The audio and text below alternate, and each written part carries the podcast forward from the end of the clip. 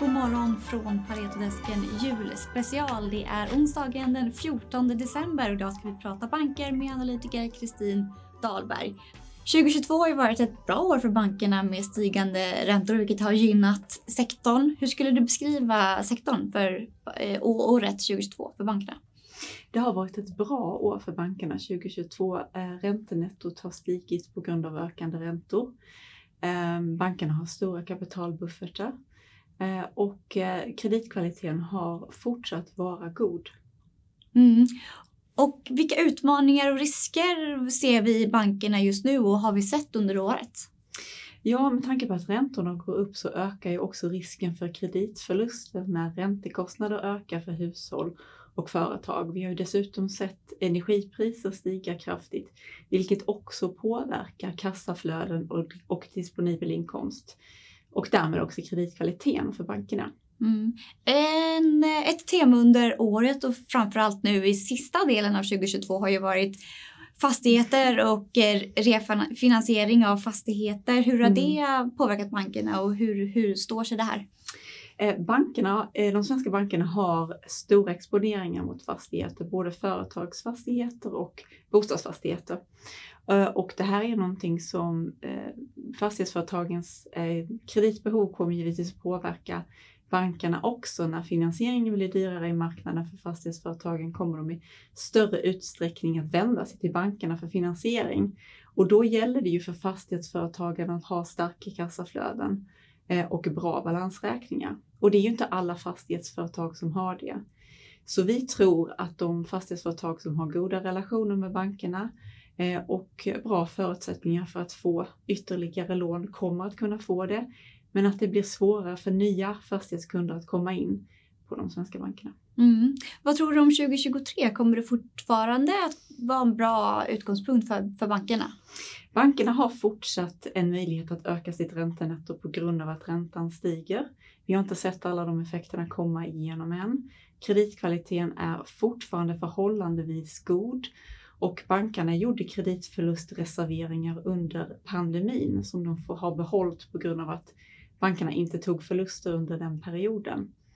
Eh, och eh, man har också stora kapitalbuffertar att luta sig mot, vilket betyder att man kan låna pengar till den privata sektorn och eh, behålla under förutsättning att recessionen inte blir för djup och långvarig ordinarie utdelningar och kanske till och med dela ut mer. Mm. Men med tanke på att vi går in i en svagare konjunktur så tror vi inte att vi kommer att se eh, stora extrautdelningar i det korta perspektivet. Det är någonting som kommer komma när vi känner, kan känna oss mer säkra på att vi har kommit till botten av konjunkturcykeln. Mm.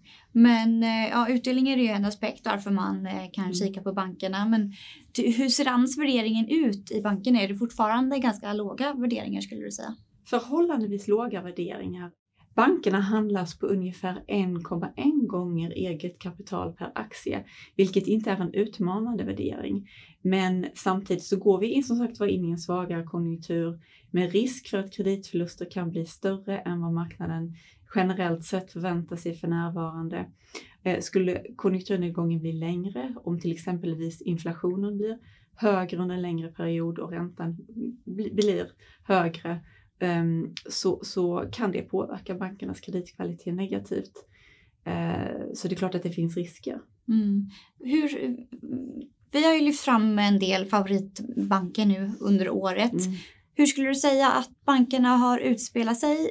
Om vi går in på enskilda banker, finns det mer att hämta i enskilda case?